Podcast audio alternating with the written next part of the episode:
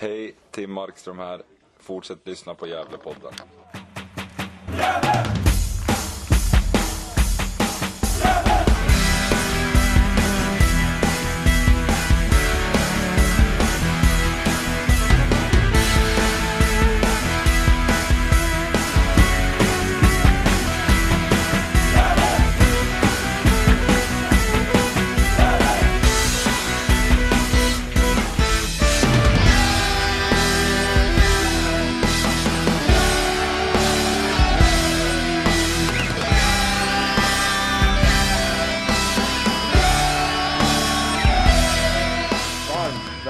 Välkomna Gävlevänner till Gävlepodden avsnitt 191. I denna veckopanel gästas vi av Daniel Moffat som spelar i GIF från 95 till 2002. Och vi gästas även av Peter Bornegrim som är en trogen GIF-supporter, kanske mest känd för i media Kalmar borta 2016 när han var den enda borta supporten på plats. Vi pratar mycket om sent 90-tal och tidigt 2000-tal. Och vi pratar även lite om hur, vad vi tycker om Gävle IF idag. Slutligen, innan ni börjar lyssna på avsnittet vill jag påminna er om att bli Patreon. Vi siktar på att komma upp i några fler kronor insamlade och när vi kommer upp i det målet så kommer vi släppa en intervju med Daniel Sulan Westlin bland annat. Så vi uppskattar all hjälp vi kan få. Nu är det dags. Varsågod och lyssna och njut. Tack.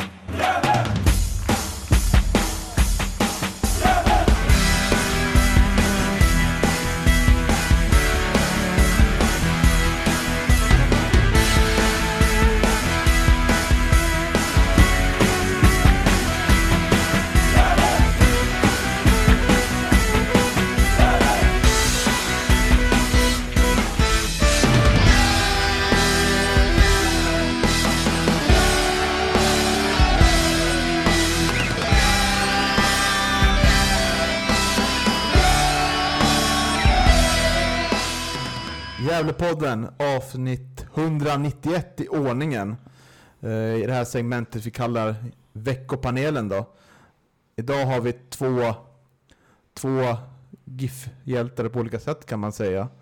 Eh, dels Daniel Moffat, gammal mittfältare. Debut 95 här, 17 maj har jag tagit reda på. Kommer du ihåg vilka du mötte då? Eh, nej, det gör jag inte faktiskt. Men eh, ja, det är ett tag sedan. Ja. Och du la ner GIF-karriären då 2002, 19 oktober. Ja, stämmer bra. 173 matcher, 12 mål, 33 assist, 7 stycken gula kort och en straffmiss. Ja, det kan stämma. Ja, straffmissen vet jag inte om jag har, men eh, det stämmer säkert. Du är varmt välkommen i alla fall. Mm, tack så mycket.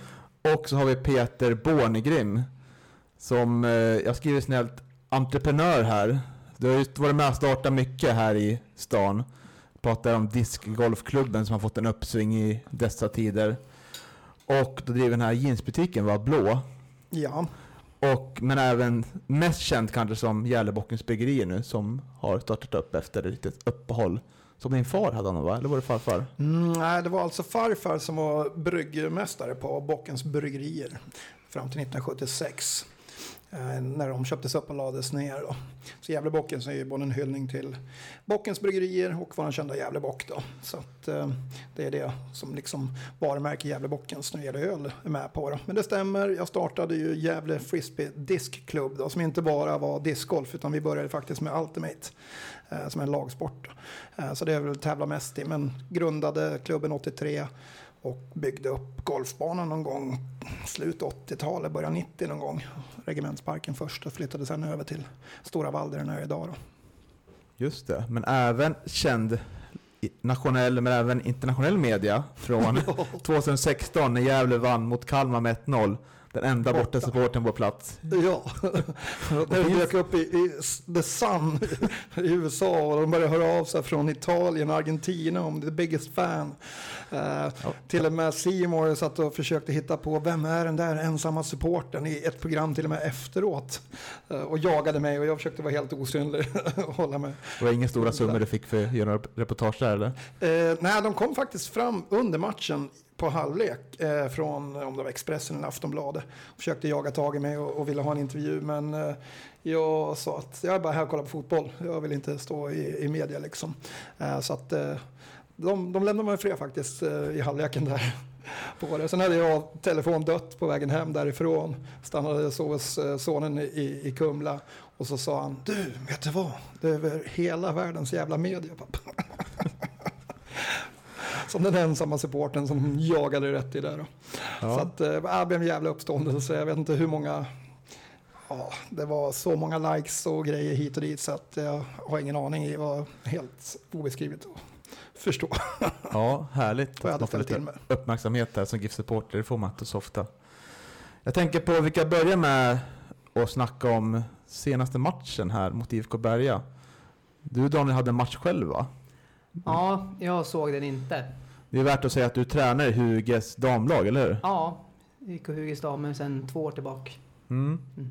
Hur ser du på GIF idag då? Om vi kan ta den frågan att börja med. Ja, jag har inte sett dem sådär jättemycket i och med att vi har själva matcher på helgerna och så här. Men, men jag har ju min son i, i U17 och han brukar gå och titta på matcherna så att jag får lite rapporter från honom.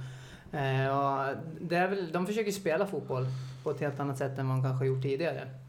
Eh, vilket jag tycker är positivt. Eh, så att, och de har ju startat säsongen betydligt bättre i år än vad de hade, gjorde förra året. Har jag förstått det. Så att, eh, det ser väl skapligt ut i alla fall. Du som är tränare, brukar du kolla en del på, på tränare genom åren i GIF? Har du någon, någon syn, synpunkt på hur det har varit? Nej, Sådär. egentligen inte. Utan jag, jag, jag, man följer dem lite grann i media och sådär, men jag har inte, jag har inte följt dem sådär slaviskt. Det har jag inte gjort. Utan jag, man ser någon match när man kan. Eh, när det passar in i schemat liksom. Så det, och det har väl, ja, de har ju som sagt var startat lite bättre i år i alla fall. Så det ser väl bättre ut tycker jag. Mm.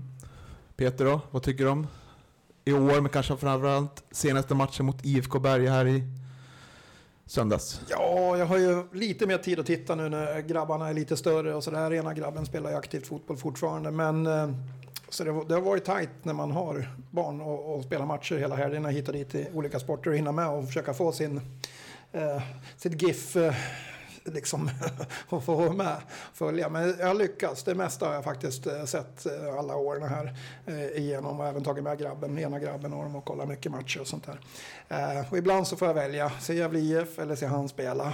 och det svider i hjärtat när GIF går för många gånger men jag har fått ihop det mesta i och med att han spelar, har spelat i många lag och sådär. Eh, Berga, jag tycker ju ändå att eftersom de inte sätter pressen som Täby gjorde i matchen innan. Som hade lusläst allting och, och satt en otrolig scouting på hur, hur de skulle lyckas störa oss hårt och bara pressa högt som fan. Fort, snabba killar, trycka på, störa oss och vi blev helt chockade. Så i den här matchen så gick ju deras tränare ut och sa att ja, vi ska ligga lite tillbaka och, och så här. Och då fick vi ju rulla runt på ett helt annat sätt och blev inte störda i backlinjen och fick ju kunna börja spela uppåt. Och, eh, nu när vi hade lite en annan uppställning med 3-5-2 så, så visar det sig att vi fick lite mer genombrott tycker jag på mitten och sånt här. Så att vi hade ju liksom ett, ett större chans till ett bättre spel.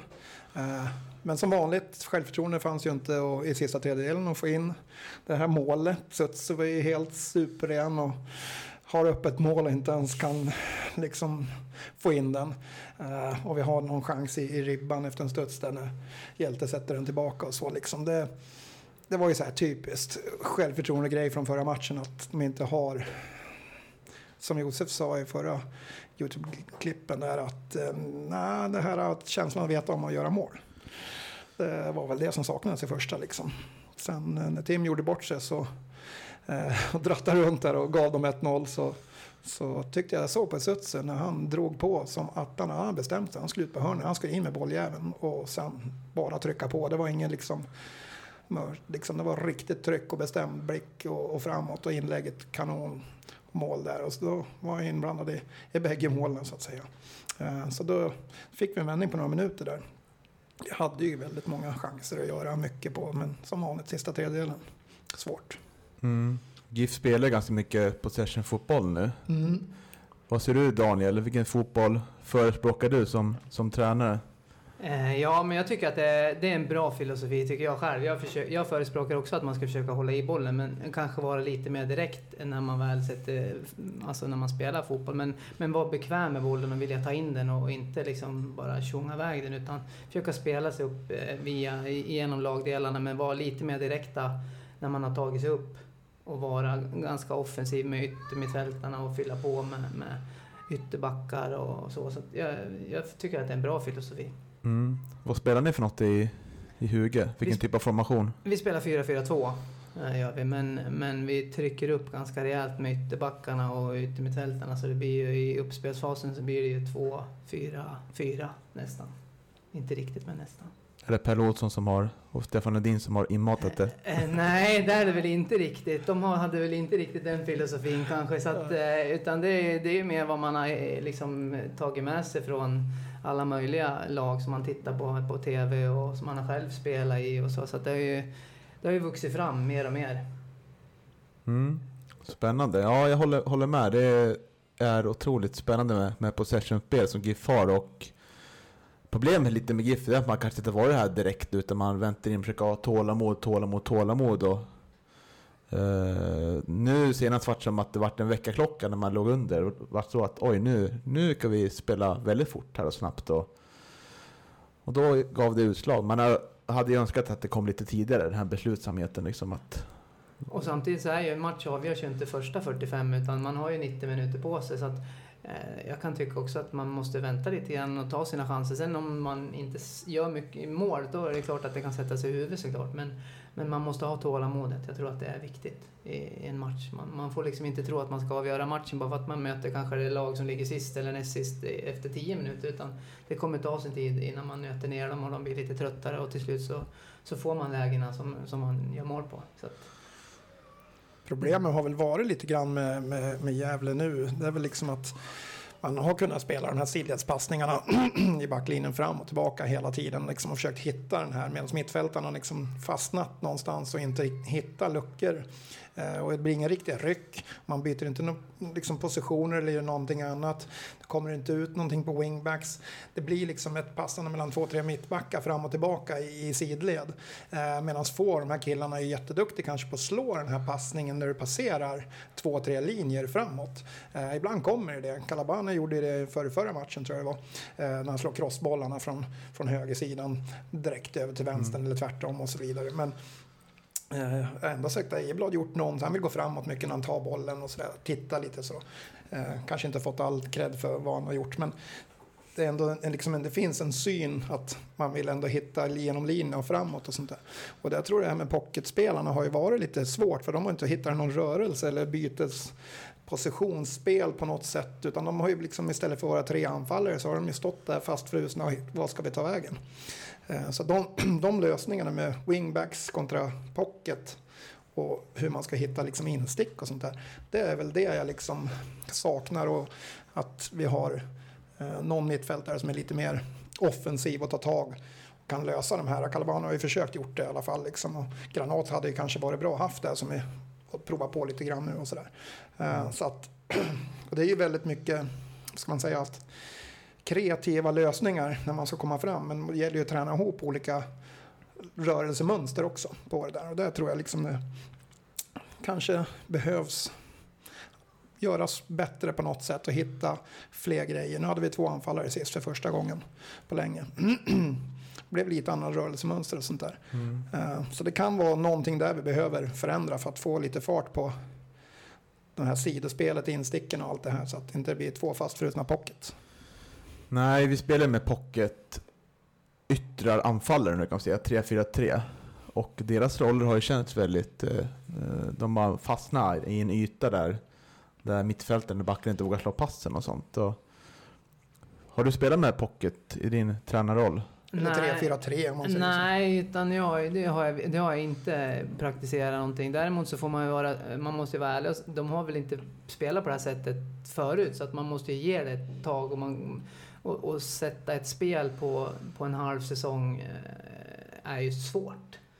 Alltså tittar man på de bästa lagen i, i, i världen så, så, så är det ju liksom, det tar ju några år att bygga upp laget och liksom få de spelare man vill ha på de positioner man vill ha. Så att jag tror att man får ge det, ge det lite tid och nu, eh, som jag har förstått det, så är det lite mer lokala spelare med i truppen också som får spela och, och så. Så jag tror att GIF är på, på, på rätt väg. Eh, Men Mm. man får nog ha lite tålamod med, med sättet att spela och ge det lite tid så tror jag att det kommer att bli bra. Mm. Spännande. Vi rör oss vidare lite. Vi kan prata öl här Peter. Oh, Det gillar ju du. jag gör ju det. Vet du, gillar du öl Daniel? Nej, jag är ingen Alltså- öldrickare. Pappa är från England men eh, jag dricker inte öl själv. Så att, eh, Aj, aj, aj. Vilken miss. ja. Men du har tagit fram eh, två GIF-öl va? Kan man säga. Ja, den Eller första var väl en prototyp nästan bara. Ja. Ja. Eh, Medan den andra var ju någonting vi gjorde förra året till, till Carrick. Mm. Hur, hur går arbetet med att ta fram de här olika ölen? Eh, nej men framförallt så var det väl liksom att jag, jag ville göra en hyllningsöl. Eh, och så ville jag göra en fotbollsöl. Det är liksom det här som ska vara lättdrucket. Eh, pilsnerlager men ändå Mm. är ju det är inte det billigaste sättet att göra en lokal öl att att göra det från ett lokalt mikrobryggeri utan då blir det ju dyrt hur man än gör den liksom på det. Eh, så att tanken var ju att gö- göra en öl som, eh, som många ändå kan tycka om. Eh, Så vi gjorde en tjeckisk lager eh, som var på 5 eh, på det. Och eh, till Sandviksmatchen när vi hade 5000 pers där så gick det ju många, många backar den matchen uppe i, i, på Solsidan där uppe då. Eh, Så 1882 som det står på den och Carrick-ölen då liksom så eh, sålde vi bra. Tyvärr får vi inte sälja den via Systembolagets privatimport som det brukar kunna gå annars. För att så fort man gör öl som hyllas bort så är det förbjudet i Sverige. Så att när några av fansen hörde av sig att den här vill jag köpa. Hur gör jag då? Ja men då går vi till privatimport och vi skickar in etiketten till Systembolaget för godkänning som de måste göra. Eh, Fick avslag. Fast det inte står Gävle IF på den eller GIF eller någonting sånt där. Men hur lyder paragrafen där då? Eh, Det får inte förknippas med eh, sport på något sätt, inte med fanklubbar till sport. All anknytning överhuvudtaget till sportinriktning är förbjudet via Systembolaget. Får det förknippas med kultur? Får sådana öl Eh, Ja, som Metallica kan du ju ha en öl då, liksom Iron Maiden kan ha en öl och, och så vidare. Är det för att det kan vara skadligt gällande sport då? Eller är det någon sån Eh, koppling? Jag vet inte, om man får lyssna på musik och dricka öl så är det okej. Men ska du titta på fotboll och dricka öl så är det inte... Alkohol och idrott är ju, liksom, går inte ihop i Sverige Nej. eh, enligt svensk lag. Så att eh, det här gick ju emot liksom. Så att därför är vi ju, det är svårt för det här. då. Så att eh, vi försökte i alla fall och, och fick avslag för Annars hade vi kunnat sålt den till, till fans då som Ja. ville ha den hemma då så att säga. Eh, till krog är ju en annan sak. För där får vi ju liksom ingen... Där behöver man inte ha någon som recenserar etiketten på det sättet. Liksom. Eh, Så att eh, vi sålde den till Gävle IF via deras cateringbolag, då, två kockar, eh, som drev eh, restaurangen uppe på Solsidan. Då. Eh, Så då är det, där spelar det liksom ingen roll. Så vi, vi kunde ju sälja den där och vi sålde även till eh, vad heter det, Gavle, Grillen? Gavlegrillen, precis, som fansen fick sätta Mm. innanför matcherna och, och, och njuta av den förra säsongen. Då. Eh, på den här säsongen så var det ju covid direkt och så ja, var det bara att ställa in. Ja. Hur har du upplevt att samarbete funkar med GIF då? Du har ju varit i näringslivet x antal år. Jo, precis. Nej, men alltså de har ju varit jättepå. Vi, vi var ju som sagt där uppe, kommer du ihåg, på, eh, på matcherna och sålde folköl i, ihop med Bro Burger Bar. Eh, och gjorde en Just jättefin Mm. eh, sommar när vi hade folköl och, och, och craft burger och craft beer liksom på, eh, på sidan där av, av Gavlevallen. Så att eh, Gävle IF har ju varit jättepå och framåt liksom ändå med, med det här. Stödja lokalt och ändå liksom till förse sina fans med, med det här. Och, och, liksom så att, eh, och de vill ju att vi ska vara med och stödja men vi har ju varit nystartade i branschen och, och försökt kämpa för överlevnad själv och komma igång liksom. Så Mm. de första tre, fyra hundåren här så har väl inte funnits den. Även om viljan finns att att kunna stötta så har, väl, eh, har väl vi haft det tuffare än vad Gävle IF har haft eh, att komma igång liksom, eh, på fötter. Men eh, den här sommaren har varit bra annars för oss. Men eh, det är mycket lokal öl som har, som har gått ut, framförallt via bolag och sådär. Men Gävle IF har nog vissa, vissa bra, tycker jag, samarbetsvilja och sånt där. Vi kör en liten en öltest här nu, lite, lite rolig så här. Om vi säger att vem i GIFs nuvarande trupp eller ledning är mest lik en suröl? Eller just det, kan ta historiskt för Daniel är här också, får vi blicka väldigt historiskt. Suröl, det är ju svårast av allt. För att en del gillar ju inte suröl och en del tycker det är jättefint. Vad, vad syftar det på i suröl? Ja, det är själva smaken och... Du kan förklara vad en suröl är lite kort då. Eh, ja, det finns lite olika sätt att göra dem syrliga så att säga. Och, och syrlig öl låter ju fräschare, precis som det står på hyllan på Systembolagen. Och suröl kanske gör för de som inte är insatt i det. Eh, men belgarna har ju jobbat mycket med frukt och så vidare. Men det finns även tyskar, Berliner Weiss också, som har den här stilen med det. Eh, man, har en, eh, man kan göra det på massor av olika sätt. Eh, det finns något som heter kettle sour där man eh, syr. Man använder malten och lägger i, i mäsken så får det stå och sura upp. Eh, för då, då tar den åt sig lite saker av syret som gör att den vi får en annan pH-värde och sådär. Nu ska vi inte gå in på jättesvåra detaljer på det för det är jätteknöligt. Men eh, man har alltså en helt annat pH-värde så det får ju liksom en syrlig öl. Sen är det många som eh, oftast tillsätter man ju frukt av någon sak. Det spelar ingen roll vad det är men oftast är det. Det finns renodlade suröl som inte har någonting det är inte så vanligt eh, på det, men oftast som vi har gjort våran Sherry Sour, då har vi ju eh, hundratals kilo frukt i den med körsbär och lite svartvinbär och lite hallon och sånt där. Och vem kan då det vara? Tänker här, frukter, det kan vara någon, så här, någon glad och kreativ typ av fotbollsspelare sådär. det måste, ja, granat eller lidbär då kanske ser Ja. lite sådär glada, lite fruktiga ut kanske. Väldigt svårt att, att få den där, ja jag vet inte. Ja. Ja, vi chansar på det då. Eh, om vi tar någon Guinness då? Lite mörk, mörkare typ av öl. Mm. Är väl Micke Bengtsson då. Känns det som en skulle kunna dra någon Guinness där. En stadig bit sådär. Ser lite irländsk ut nästan sådär. Mm. Passa Och en vanlig lager då? Mm, det är väl resten av killarna. Tim Markström är väl en, en bra lagerdrickare tror jag. Spännande. Ja. Daniel Moffat då, som fotbollsspelare, vad skulle han vara för något? Eh, ja, han blir väl alkoholfri öl då. det är väl den varianten. Ja, man inte bra. gillar så mycket öl. Men det, tyvärr smakar det öl också. Ja, just det. det. Ja. Vi, kan, vi går vidare lite där. Bra, får vi lägga upp lite bilder där. Photoshop-montage kanske på, på Lidberg och lite frukt och sånt där. Ordnar det. Det blir. Vi går vidare till 95 då Daniel. Går in lite på, på din, din, dina tider i GIF. Mm. Vill du berätta lite om hur kommer det sig att du kom till GIF 95? Hur gick processen till? Eh, ja, nej men alltså vi, jag spelade ju fotboll i, i Bomhus eh, klubb, Gävle fotbollsklubb och, och vid 12-13 år där så, så gick vi över till Gävle IF. Eh, det var så i, på den tiden. Eh, och därefter gick jag via juniorlag och sen upp i, i A-laget då. Var det en eh, konkurrerande klubb med Huger då på den tiden? Eller hur var det? Ja, det var det. Finns ju inte kvar nu va? Nej, det finns inte kvar. Det, det gör det inte. Vi var ju några stycken som kom därifrån. Yt, Ytterbom kom därifrån också. Mm. Eh, Så det var några stycken. Reval tror jag också spelade där. Bomullsligan där. Ja, precis. Hur tycker du att, var befann sig klubben när du kom till klubben storleksmässigt? Hur?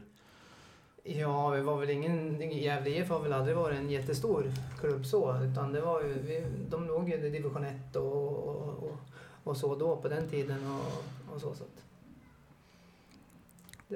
man var ju glad att få komma upp. Man, jag var ju rätt ung när jag, när jag kom upp och började träna med dem. Så att man var ju glad och fick vara med liksom. Så det var Mm.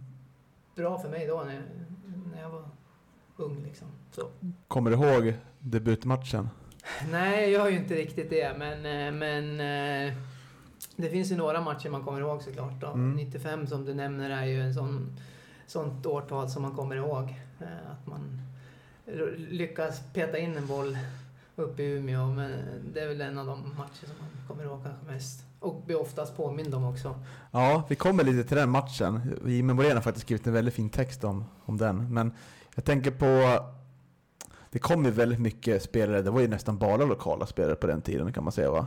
Ja, eh, Stefan och Pelle var ju, de var ju bra på att scouta närområdet. Så det var ju mycket i närområdet, Hälsingland och, och Dalarna så som, som de plockade in Mm. spelare från. Så att, Det var ju både Dojan Nilsson gjorde 18 mål och Peter Fyr gjorde 14 mål. mm. Otroligt stark anfallsduo kan jag tänka mig. Ja, de var ju väldigt tacksamma att ha naturligtvis. De gjorde ju väldigt mycket mål och skapade väldigt mycket lägen. Så det var ju i stort sett att spela fram den till dem så, så visste de att det skulle hända någonting.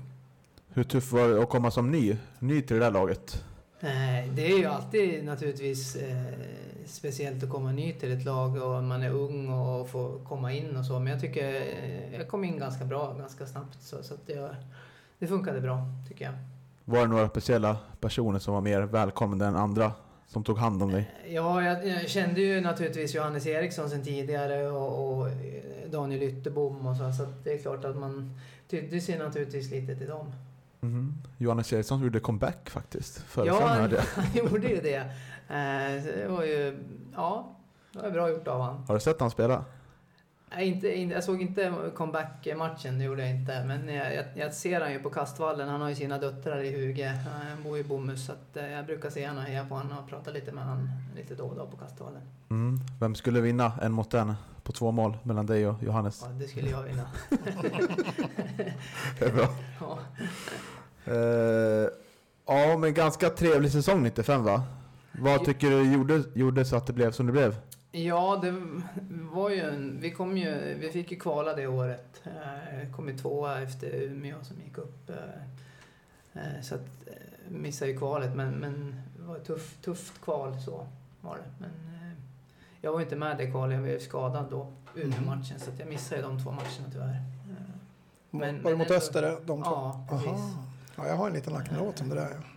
Har du det? Mm. Så. Men eh, jag tycker ändå att det, ja, vi gjorde vad vi kunde då. Så att det var lite synd att det, vi fick ju inte spela på hemmaplan eller vi fick Nej, spela på Råsunda. Precis. Mm. Och den har jag en lacknåt om. Ja, kör. Det var ju så här 95 när Öster kom upp så jag kommer inte ihåg exakt vad det var för datum men det är november det här tror jag, början på november och det snöar ju som attan på lördagen.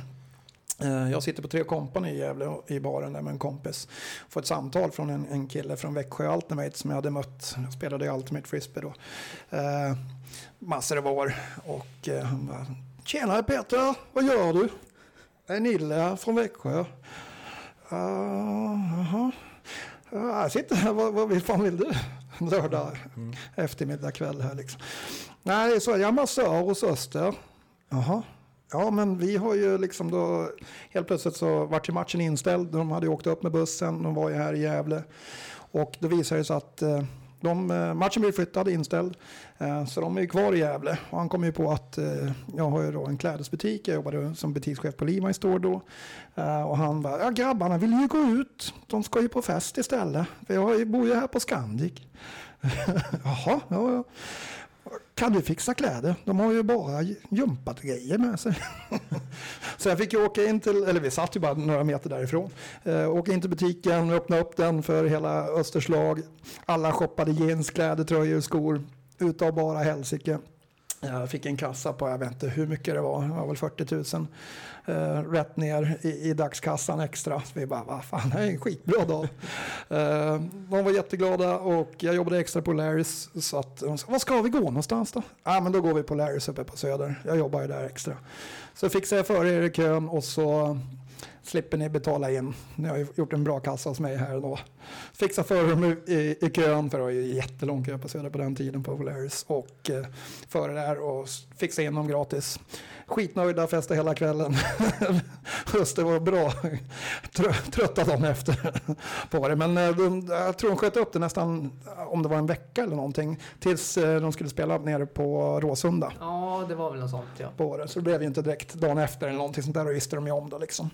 Eh, Så det var en liten grej vid sidan om där som, som hände den Så matchen. du, du Som gynnade din privata konto men inte Ja, det var ju Moralen. för- företagets konto. Östers moral var betydligt bättre. ja.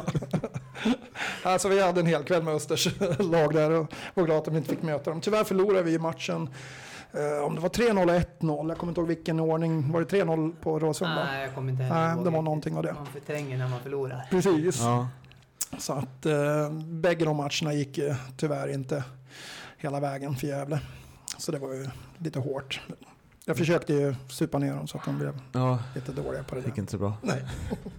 Jag tänker den här matchen vi pratade lite om, eh, Umeå där. Mm. Eh, 15 oktober 95, det var över 9000 pers där.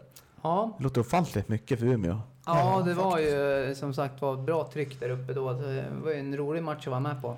Eh, Det är väl kanske den match som man spelar inför flest folk någon gång. Så att det var ju Mm. Ja. Men var det den, jag ska hälsa från min vän Christer Öberg som du har spelat ihop med Ja. i massa år som stod vår gamla GIF-målvakten. Han minns ett väldigt kort inhopp eh, när vi på några minuter lyckas både göra mål och bli skadad. Ja, Är det den matchen? Ja, det är den matchen. Jag var inhopp och så gjorde jag... eh, På 18 sekunder gjorde jag i mål och blev utbytt. Så det var ju... Det var den Det var den, ja. Kommer du ihåg vad Håkan Nilsson sa till Gede efter matchen? Nej, nej. Han eh, sa så här, Moffat läste Buster innan matchen. är, är det en skröna? Ja, det är det nog. Det tror jag. var någonting han ville att det skulle vara så. Ja, Liksom. precis. Ja, det tror jag också. Ja. Eh, ja, precis. Det var 1-1 va? Ja, Mm. låg under med 1-0 och så hoppade jag in och så ja, 18 sekunder tog det innan. Så första, första tillslaget som jag hade på matchen, sen landade jag ju och så fick jag ju målvakten över mig och rakt över benen. Då. Aj, aj. Om vi kommer till kvalet då, vad tror du om ni hade vunnit kvalet? Hur hade ni klarat er i Allsvenskan? Hypotetisk fråga men Ja, hur var alltså, kvaliteten på laget tycker du? Ja, vi hade säkerligen behövt förstärka lite, det tror jag. Eh, Det tror jag. Vi hade ju ett bra lag eh, då, 95. med, Som sagt, som du nämnde, Anders Doja Nilsson och Peter Fyr. Och, eh, så det var ju många bra fotbollsspelare. eh, Såklart, men vi hade säkerligen behövt förstärkas lite. Mm. Vad spelar du mest då? Spelar du ytter eller Ja, mittfältare? jag spelade ju yttermittfältare mest, gjorde jag. Mm. Jag Visst var du som la mycket hörnor och grejer på den tiden, eller? Ja, hörnor och frisparkar var Ja, för mig att det var något sånt. Jag var ju så gammal så jag har sett de här matcherna. Jo, Mm, det kommer jag ihåg, Mm. precis. det stämmer. Var du på plats på kvalmatchen Peter? Mm, eh, på Råsunda? Ja. Jag för mig det. Minnet är ju som sagt inte det bästa hos mig, men eh, jag för mig det. För att jag följde ju GIF så mycket det bara gick hela tiden, mm, även på det, sen tidigt 80-tal tänkte jag säga. Eh, Men eh, för mig att vi åkte ner till Råsunda. Mm. Det var ju 702 skådare där. Jag var för ung, jag var åtta år. Så. Ja, okej. Ja. Ja, nej, ja, Minns inte den här tiden så bra. precis. Eh, nej, men vi klarade oss inte kvar. Eller vi gick inte upp till Allsvenskan. Nej. Och uh, efteråt blev det mycket mittenplaceringar åren efter. Ja. Vi, vi, hade, vi gjorde som sagt var rätt bra säsonger. Men, eh, men eh, var väl inte med i toppstriden sådär jätteofta. Men, men vi låg där i mitten. Hur tycker du att din roll var de här säsongerna? Fick du spela där du ville och hade du tydliga roller från? Ja, alltså jag spelade ju en del men jag satt ju en del på bänken också så det var ju lite inhopp och blandat. Eh, Jag var ju ung och, och, och hade liksom upp... När jag var bra då var jag riktigt, riktigt bra och när jag inte var lika bra då var jag. Ja. Så att jag hade ju liksom perioder där jag var väldigt, väldigt bra och perioder där jag var mindre bra. Mm. Eh, Så att, ja. Så är det att vara ung fotbollsspelare. Mm. Att hitta den här rätta balansen av Ja, bra hitta form? kontinuiteten och liksom så. Så att den eh, hade jag väl inte riktigt. Eh, Det som blir rutin sen liksom. Precis. Mm. Man lär sig av sina grejer. Hittar du den sen tycker du? Ja, sen åkte jag ju på två korsbandsskador så att det, det är klart att det påverkar ju min fotbollskarriär såklart. Eh, eh, Det, det kan man väl inte sticka under stolen med. Det är mina, mina minnen av det är att du är en kvick mittfältare men också väldigt skadedrabbad. Och det Ja, säger väl det om precis, jag jobbiga karriären har varit. var ju som sagt var ganska kvick och bra i fötterna med bollen, va? och Bra med bollen och Mm. gillar ju att ha bollen. Precis. Och det är väl li- lite grann det jag har tagit med mig nu som tränare, att det är det jag vill att eh, mina spelare ska vara bekväma och vilja ha bollen. Liksom. Så att, eh, men åkte på som sagt var en hel del skador. Hur jobbigt var det mentalt att åka på skadorna? Eh, det är alltid jobbigt att få eh, skador eh, som fotbollsspelare. Man vill ju spela fotboll. Eh, så det är klart att det är mentalt jobbigt att, att få dem. Men, men samtidigt så, så växer man lite grann av det och när man kan ta sig tillbaka och fortsätta spela eh, fotboll igen. Så att, ja. Man, vill ha, ingen, man ska aldrig vara skadad när man är fotbollsspelare. Man ska vara hel och frisk. Men, men ibland är det så. Eh, så är det. Mm. Om vi går till 99 då. Eh, åttonde plats. Men då Mm. skulle serien göras om. Det gjorde att ni fick kvala mot Café Opera. Mm. Kommer du ihåg det? Ja, jag kommer ihåg eh, både, båda matcherna egentligen. Första matchen borta där vi, hade, där vi egentligen skulle ha, egentligen ha vunnit men vi gör inte mål helt enkelt. Vi får inte in den. Eh, det var ju nästan overkligt. Mm. Eh, och sen eh, på Strömvallen. Eh, så, jag tror att det blir 2-2. eller någonting. Ja, oavgjort i alla fall Mm. igen. Och vi åker dit på bortamål. Mm. Eh, Otroligt tung förlust. Ja, den, då var det tungt att gå in i omklädningsrummet efteråt.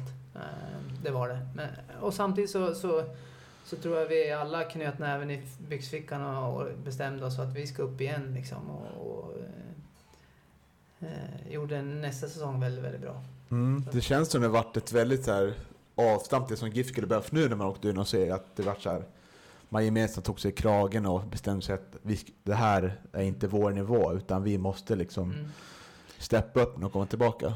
Det var ju det för att, kommer ihåg den här matchen mot, eh, borta mot eh, Café Opera, det var ju alltså både domare och allting vart väl, eh, det höll väl på att spåra lite grann för det var, Mm. det var så pass, Mm. jag vet- kommer inte ihåg om det var fula grejer eller om det var liksom Ja, men det var saker som absolut inte skulle ha skett. Alltså det här skulle vi ha vunnit om, om det bara var normalt på något sätt. Så man, Ja. var, man var skogstokig när man eh, såg det här liksom på det. Det gick inte som det sk- Alltså på något sätt. Jag kommer inte ihåg exakt vad det var som... Men det Nej, var men många konstiga grejer. Ja. och, och så fick inte in den. Och det är klart att eh, ska man hålla sig kvar i en kvalmatch då krävs det att Att man vinner de där, ja, ja precis. De Men, matcherna borta i alla fall då. så det var nog en jäkla revanschlust efter de där, eller framförallt den matchen liksom, Mm. som där skulle vi ha vunnit och gått upp. Jag kommer ihåg att Hugosson var riktigt, var en kompis som var nära, nära honom till slutsignal, var riktigt nere där efter, efter förlusten. Och, Ja, det, alltså det är ju, att åka ur en serie är ju bland det värsta man kan göra som fotbollsspelare. Eh, så att det, är klart att det, det var ju tungt. Men, men samtidigt så, så tror jag att visst, några dagar efter det här var man ju bra deppig och sen, men sen gällde det ju att liksom att knyta näven i och liksom börja jobba inför nästa säsong hur var det att spela division 2 då? Eh, Hur mycket skiljer sig på... Ja, det är klart att det skiljer sig en del. På den tiden skiljer det sig. Det visar ju sig att vi hade ett bra lag för vi vann ju den serien och så. Så, att, eh, så att, ja, det, det är klart att det skiljer lite grann. Men, men vi hade bra lag och tog oss i kragen och vi spelade ju, vi har blivit lite mer spelande lag kan jag tycka det året med, med Pelle och, och så. Så att jag tror att det gjorde gott för många spelare att få det året kanske. Även om det var tungt just då. För byte av tränare under de här åren va? Stefan Lundin lämna Ja, precis. och Pelle. Och Pelle tog över. Ja, hur upplevde du skillnaden mellan dessa två ikoner? Nej, det är inte jättestor skillnad. Inte på den tiden i alla fall. Eh, De hade ju sin filosofi och, och eh, vi, vi gjorde det bra. Vi var ju extremt noggranna i, i försvarsspelet och, och jobbade väldigt, väldigt hårt. Och, och, eh, men den, vi fick ju utveckla offensiven lite mer när vi gick ner i tvåan och det tror jag var eh, nyttigt och bra för alla. Eh, Jag tror att det, ja, det gjorde gott inför fortsättningen och de kommande åren. Mm. Den här matchen mot var det Östersund på Andersbergs IP minns jag. En snorkall vinter på grus. Ja, det stämmer. Den, Var det ni, eller var det något år innan? Nej, när var Jag det? vet inte exakt när det var, men det var väl också någon kvalmatch. va? Ja, Eh, Men där lyckades vi vinna. den vann Mm. Jag kommer ihåg, alltså, för det var så osannolikt. Vi, vi spelade på grus på Andersbergs IP. Mm. Och det är en, det är en tävlingsmatch. eh, I snöstorm.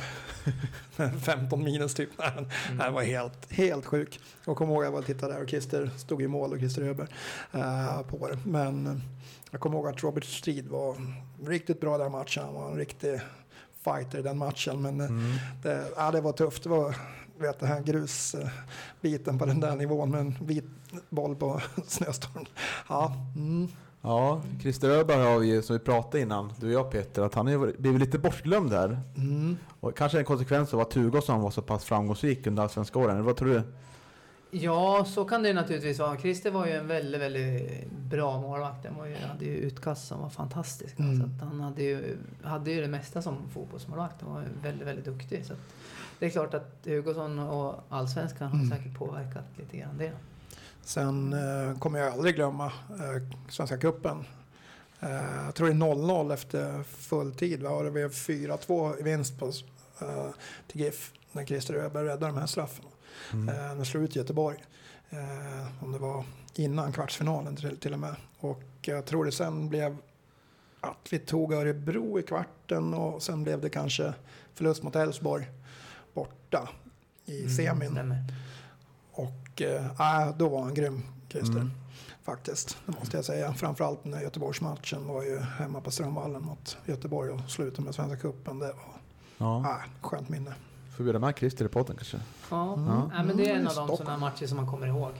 När man har mött, där fick man ju möta de här Stora lite större spelarna. Ja, och så det är ju häftigt. klart att det är häftigt liksom. Vilka, Vilka- var, vilka var det i Göteborg då? Ja, Ravelli var väl Ja, med. var- Och, eh, han var ju- grinig efter den matchen. Det var ju Alexandersson var ju med. så det var ju många bra fotbollsspelare med. Eh, Jag vet att pappa min var ju med som, som lagledare materialare. Så han har ju laguppställningen inramat eh, hemma. Så att, Ja, eh, där kan man ringa till honom och fråga vilka som var med om man inte Precis, vet det. Nej, men, precis. så att det, det var en sån här rolig match att få vara Ja, med om. Och, ja. Otroligt härlig. för det var inget skitlag de ställde upp Nej, de, med, de utan hade Ravelli stod också. på den tiden. Ja, Så. stämmer det. Vilk, vem är den bästa, bästa spelaren du mött? Fotbollsplan? Svårast att möta sådär? Eh, bästa... Oj, jag har mött Anders Limpar en gång. Mhm. Alltså han, han var ju Mm. minst sagt bra. Men, Mm. så det är väl kanske den mest. Sen naturligtvis, ja men Thomas Ravelli är ju naturligtvis också, men han är Mm. målvakt då. Men, Mm. eh, sen hade ju Örebro hade eh, någon utländsk, eh, jag kommer inte ihåg vad han heter, men som var väldigt, väldigt bra. Så jag mötte något år eh, i U-laget som när han var med. Så att det var ju, nej men man har mött många bra spelare genom åren. Eh, Jag kan tänka mig. Vilken är den bästa du spelar med GIF då?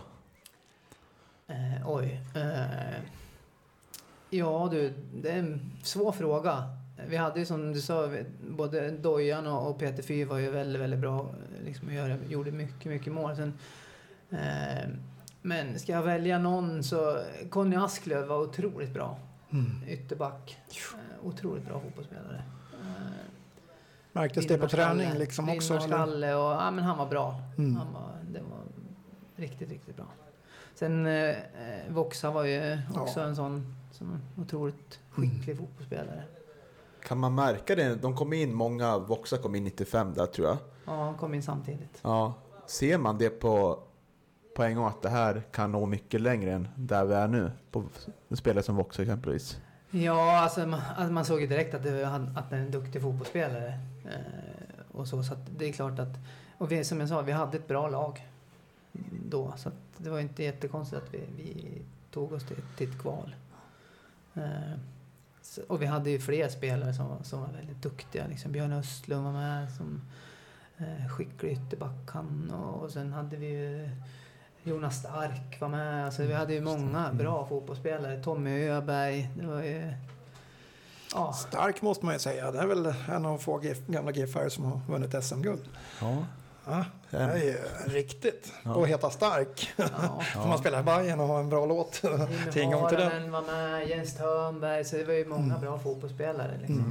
som, som var med då. Mm. Johannes Eriksson var med. Vi var ju... Så att det var ju... Ja. ja, stark eh, region fotbollsmässigt. Ja, alltså som jag sa, vi hade ju många lokala spelare då. Jag, eh, jag tror att, att det är, bra att ha det nu också. Jag tror att de har ju rätt många nu också som har, som har lite lokal anknytning. Jag tror att det är viktigt för, för Gävle som stad och att folk känner, känner igen spelarna lite grann från, från, från Gävle IF. Liksom. Så att jag tror att det är en bra filosofi. Sen naturligtvis så måste man krydda det lite grann för att liksom få spetsen och, och kanske så. Så att jag tror att det, är Det känns ju ändå väldigt tuffare idag. Liksom. Det är så mycket högre vad ska man säga, proffsighet på nivån i, med, både med pengar, lön och att de inte Ja. ska jobba och, och sånt här. Eh, de här eh, skolorna liksom, som vi har i utbildningsmässigt för alla och sånt där. känns mycket tuffare att få fram folk jämfört med alltså den kullen eller vad man ska kalla det, allt det här ifrån då, som var lokalt då. Jo, nej, att men alltså, bygga på samma på, sätt. fotbollsspelarna är ju en helt annan idag. Det är Ja. liksom, går mycket, mycket fortare och man, Ja. det krävs mycket, mycket mer och, som fotbollsspelare. Så att man, det krävs ju, ska man nå en, en elit så krävs det att man, man satsar ordentligt. Och då, Mm. alltså vi jobbar ju på den tiden Ja, tänkte säga. all- liksom. Så att det var ju Ja. liksom, Man åkte direkt från jobbet och tränade och, och, och det tror jag, ska man upp i eliten idag så går inte det. det man måste liksom satsa Mm. heltid Mm. på det. Mm. Och det är ju svårt för det är ju en kostnad. såklart. Men, men jag, tror att, jag tror att Gävle är på rätt väg. Eh, De verkar ha fått ordning på ekonomin och, och, och så. Så att jag tror att eh, kan det bara fortsätta och liksom, kan de bygga på det här så tror jag att de, de kan nog säkert eh, klättra någon, någon eh, tabell eller någon, någon serie. Mm. Det tror jag. Mm.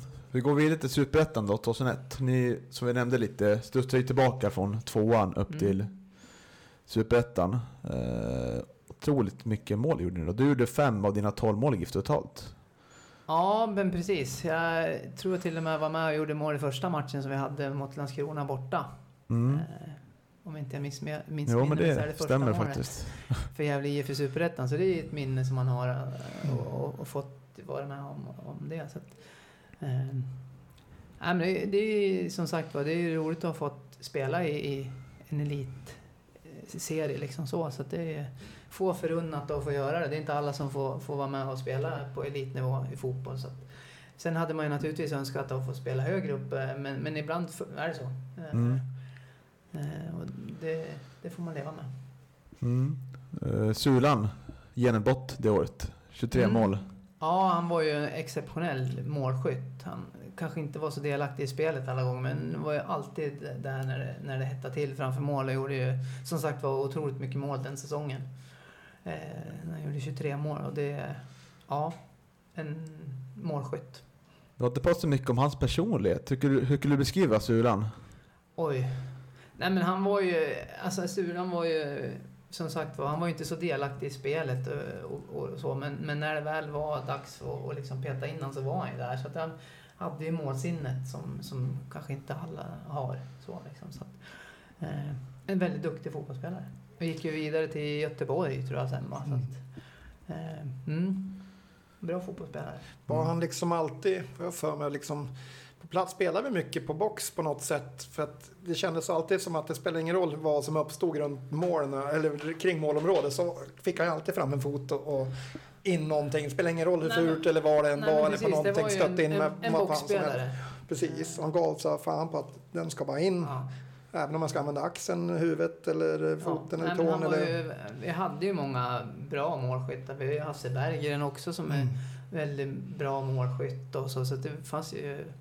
Ja, genom åren så har det funnits väldigt många bra Han såg ju alltid så roligt laid back ut liksom annars. Som du sa, när inte spelet var där. Nej. Då såg jag han liksom bara att han inte brydde sig om någonting ungefär. Jättelaid back. Och sen när det väl kom upp dit då var han liksom alltid med i, i strulet kring mål liksom och sånt där.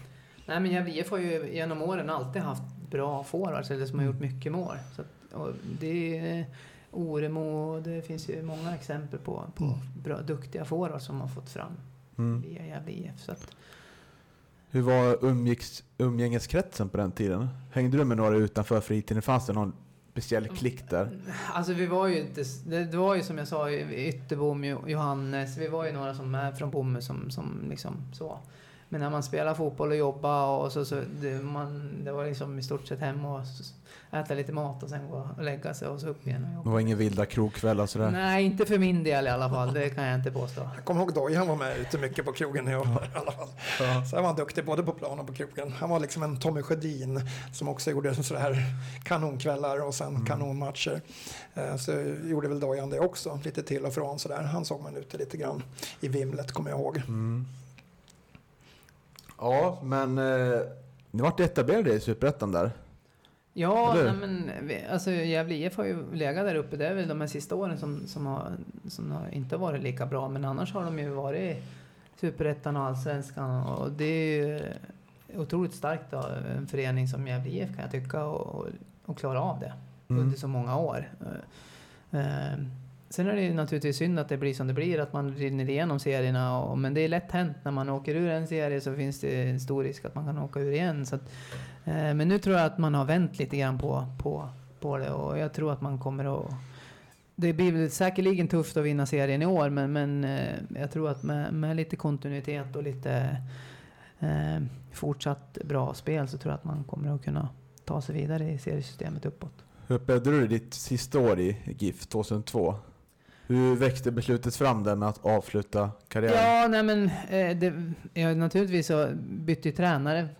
Då, precis då var ju han, vad heter han, som kom in som gick bort. Kent Rosén. Ja, precis, som kom in. Och han hade väl kanske en liten annan syn på, på, på spelet och, och jag passade väl inte in helt enkelt. Och, eh, och så är det som fotbollsspelare. Eh, det var inte svårare än så. Och jag fick barn i den svängen också och, och, och eh, strax därefter och, och så. Så det, det föll sig naturligt att trappa ner lite grann då. Eh, och, och så, så är det. Mm. Var det skade... Korsbandet som vägde in också i det hela? Skulle du säga att det vägde in lite på bristen av speltid och spelfilosofi och Ja, s- naturligtvis. Det är, det är en blandning såklart. Men naturligtvis är ju... ja, Jag var ju en hel del skador såklart. Två korsband, det är ju om på varandra liksom. Först på höger och sen på vänster. Och, och, så, det är klart att det blir tufft. Det tar ju 9 till 12 månader att ta sig tillbaks bara. Eh, Så det är klart att det eh, vägde in. Och sen så börjar ju mina barn bli stora och, och de börjar spela fotboll. Och så, så jag har ju liksom kommit in i fotboll. Jag har ju fått vara kvar i fotbollen tack vare dem då. Eh, Så att fotboll är ju mitt största intresse. Så att det jag ser all fotboll som går. Eller vad säger Mm. nästan. Eh, åtminstone i de stora ligorna. Ja. Sen, sen går det inte alltid att se Gävle IF och så, men, men ehm, det går att se ibland och då försöker jag titta. Har det avslutats 2002 och tre år senare går GIF upp Allsvenskan. Hur många gånger har tankarna flugit iväg? Ja, jag skulle kunna upplevt det här jag också med vara kvar. Eh, nej, det har jag inte lagt någon större tanke vid så, utan det, alltså det är de spelarna som har gjort det har gjort det väldigt, väldigt bra och tog, tog Gävle IF upp. Och, eh, hade jag varit med så, man vet ju liksom aldrig hur det har gått, utan eh, det, det som är gjort är gjort. Eh, jag lägger inga tankar så, utan eh, bara glad att Gävle IF fick upp och tyckte det var roligt. Väldigt, väldigt roligt. Och lika roligt som, som det var att gå upp, lika tråkigt är det när de åker ur. Så att, eh, jag, jag, jag kan inte påstå att jag, jag lever i Gävle IF idag, utan, men, men däremot så följer jag dem så mycket det går. Mm. I och plus att jag då har min son i Gävle IFs ungdomsakademi. Så Mm. det blir ju per automatik att man, man har Gävle IF-intresset kvar. Vad, hur skulle du beskriva din son då? Eh, han är lite längre, men jag är 1,90 så att han är lite Oj. längre än vad jag är. Så att han, eh, men bra spelförståelse. eh, Han är back, så att han, han är mittback. eh, Så, så att han, eh, han, han påminner mig lite grann i spelförståelsen, och, men han är lite större än mig. Jag var lite kvickare än vad han är. Eh, eh, Så att, ja, det är väl den största skillnaden Mm. mellan oss. Men, men han har bra spelförståelse och, och, och tycker ju också fotboll är, det roligaste som finns. Att det finns nog alla möjligheter för honom om man vill satsa vidare och så. så att, men det krävs ett hårt jobb och man måste träna mycket och så. så att, vi får väl se. Och det gäller att han inte är skadad och, och liksom, hela den biten måste också liksom fungera. Ja. Vad är bästa minnen från karriären då? Om du ser GIF. Man kan ju säga också att du gör ju comeback sen som spelar, spelar i Valbo och Huge va? Ja, jag gör något säsong i, i SIF också och spelar upp SIF i tvåan faktiskt. Just det. Eh, Vi går faktiskt obesegrade en serie. Så att, eh, men mitt bästa fotbollsminne är, får vi väl ändå säga, Göteborg naturligtvis i, i Svenska Cupen är ju sånt som man alltid kommer att komma ihåg. Vinna mot dem. Eh, sen är det alltid att, att gå upp i, i Superettan som vi gjorde via kvalet och, och, och sen göra första målet i Superettan är ju också någonting som man kommer ihåg. Så att, det finns många roliga minnen eh, att ta med sig. Finns, var det något efter den här matchen mot Göteborg, var det något anbud? Så här, konkret intresse sådär? Är inte som jag vet om. Nej. Så, det vet jag inte. Men eh, så att, var inte kanske på samma sätt som, i, som det är nu med agenter hit och dit och så. Mm. så att, ja, jag, tror, jag tror inte det. Vad är ditt bästa minne Peter från den här tiden? 90-tal, tidigt 2000-tal. Mm, precis. Ja, men det, Det var ju ganska fina år som vi pratat om nu. Det är kval till Allsvenskan och... det är ju det är ju Göteborgsmatchen. Den är ju på den tiden outstanding tycker jag. Uh, Svenska cupen. Eh, det, sen att vi går rätt igenom tvåan där. Uh, alltså att vinna jämt hela tiden med Gävle IF. Efter alla år i allting, vad man än har gjort, så har man liksom ändå fått kämpa med sitt supporterskap som fan. Liksom, Mm. att var vi än är någonstans så känns det som att det var på, som på slutet, liksom, att det är tufft. Men det året så, så var det att vinna hela tiden. Så det, det, det är faktiskt eh, fruktansvärt kul liksom. eh, på det. Så det, det är väl de minnena jag har, och med mig där. Eh, jag minns att, vi, att, att vi, den här matchen som ställdes in ändå eh, på Råsunda blev ju en skitmatch. Eh, på grund av lite folk. Och, och, ja, det blev en, en, istället för en chans hemma att göra någonting bra av det så fick vi åka ner dit och det kändes som ett straff att hamna där nere på, på Råsunda. Eh, när vi verkligen skulle försöka tvåla dit Öster och vända det hela så fick vi aldrig den chansen riktigt. Precis som att det har hänt en gång senare efter det också när vi har fått spela på en annan arena än hemmaplan. Mm. Så det, det är väl sura minne. Men Göteborgsmatchen, är ju, hela vallen var ju i extas. Så att det är ett riktigt fint minne. Härligt. Eh, spekulerades lite Daniel, när GIF stod utan tränare, alltså GIFs damlag. Tidigt 2020. Var du aktuell för det jobbet? Eh, nej, inte, inte efter att Sara fick lämna. Inte efter att hon lämnade. Eh, det var jag inte. Eh, däremot så var jag väl aktuell kanske innan säsongen. Jag fick en förfrågan och hade ett möte med dem och så. Men eh, det passade inte in riktigt i, i min privata situation just då. Eh, Eh, så att, eh, men, men här när, de, när hon gick, Sara, så, så var jag inte aktuell. Utan det var bara IK UG just då. Mm. Just nu. Spännande. Kanske blir framtiden då? Det vet man aldrig. Det vet man aldrig. Det får framtiden nu utvisa vad som, vad som kommer. Men, men jag, jag, jag trivs jättebra där jag är idag. Jag har unga tjejer som, som brinner för fotbollen och, och, och verkligen vill spela fotboll. Och det, så det, det är roligt att... Och... Vad spelar ni i division? Division 2 är vi nu. Två. Mm. Mm. Vi gick upp från trean till tvåan. Så att, eh, ja, det är unga tjejer som är 16, 17, 18, 19 som, som, som har varit i IK UG sedan de var liten. Så det, det, är roligt. Ja, verkligen. Mm. Vi närmar oss lite slut av dagens avsnitt. Men jag tänker att vi har pratat lite om Christer Öberg här. Och finns det någon annan ni skulle tänka skulle kunna vara med i podden och prata GIF, 90-tal, är någon som är roliga historier att prata om, speciella saker att berätta? Jag vet inte, men Jens Törnberg har säkert jättemånga historier. Ja, Törnberg. Det tycker jag. Jens är ju en, en sån som har mycket att, mycket att säga. Mycket att säga säkert och har många historier att dra. Ja. Så att han ja. skulle säkert ja, passa in. Med om. Mm. Spännande. Då kan mm. vi kontakta honom då. Mm. Ja, men tusen tack både Daniel och Peter för att ni ville vara med. Tack själv. Tack själv. Och lycka till i framtiden. Tack. Tack, tackar.